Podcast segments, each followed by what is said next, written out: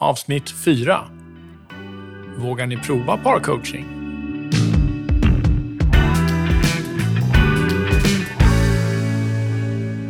Blir ni lite bättre versioner av er själva med publik?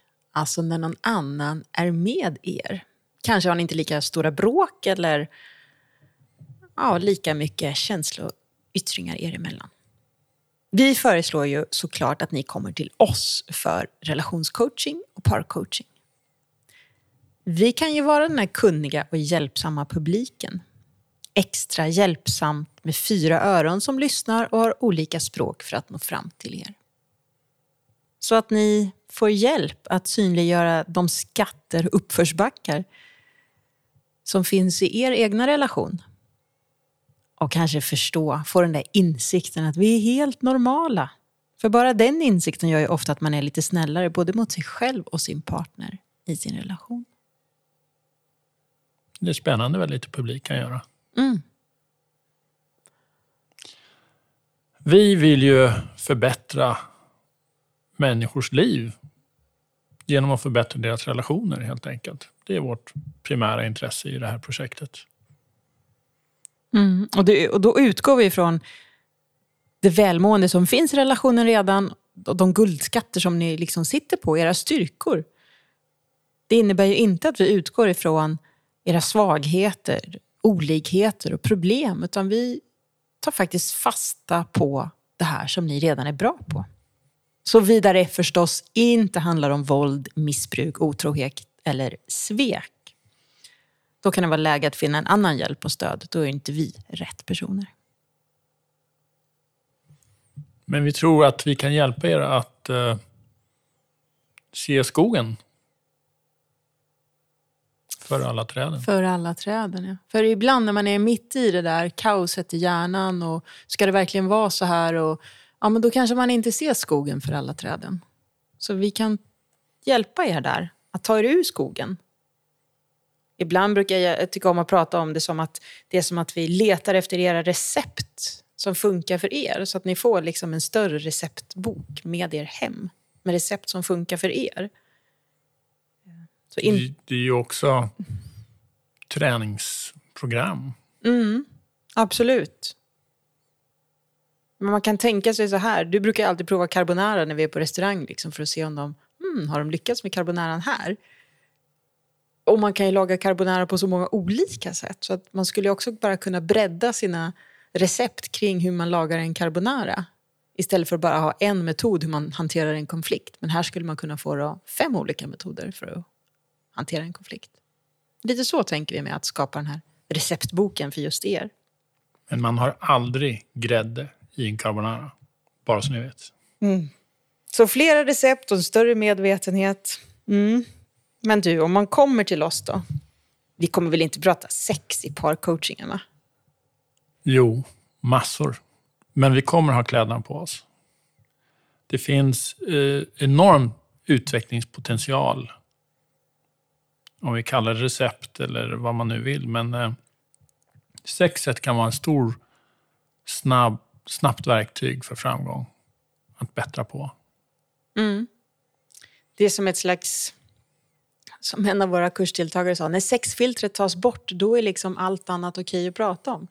Så om vi inte längre är skamligt eller nervöst att prata om sexet, då är liksom det mesta helt okej att närma sig och prata om i relationen. Och vi lovar er att vi kommer vara en väldigt icke-dömande publik till alla samtal, vad som än kommer upp. Ni får göra vad ni vill med varandra, bara det finns samtycke. Det är ingenting vi lägger någon värdering i. Men vi undrar om ni har det sexet som ni vill ha idag. Mm. Båda två. Både individuellt och tillsammans. Har ni någonsin pratat om det ens?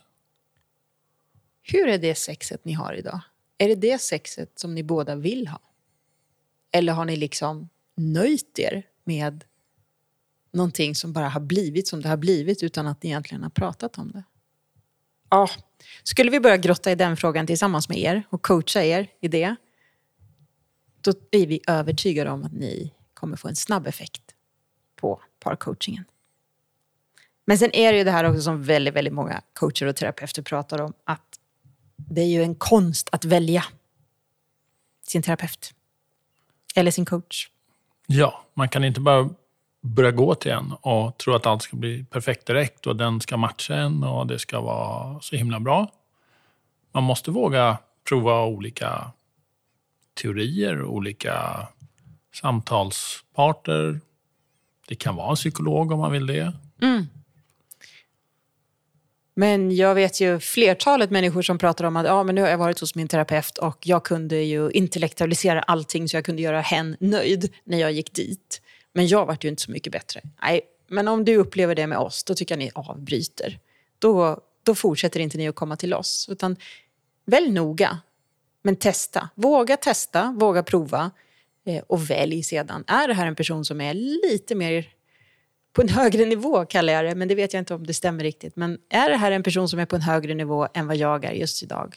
Så att den kan utmana mig, så att jag inte intellektualiserar mig. Vi tror ju också att ni aldrig kan nå en högre nivå än vad terapeuten har. Så om ni upplever att terapeuten har banala frågor och är på en väldigt låg nivå, ja då kanske det också läge att söka sig till någon annan.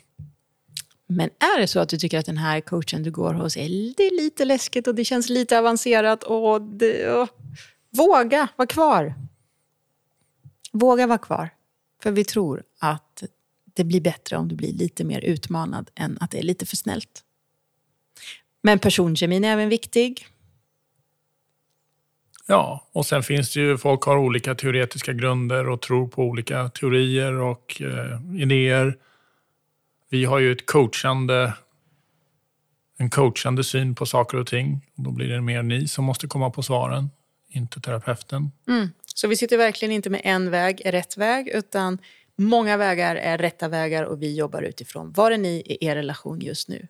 Och att dessutom ha den här förmånen av att vi är två som lyssnar och speglar er. Ja, bara det. Välkomna. Tack för idag.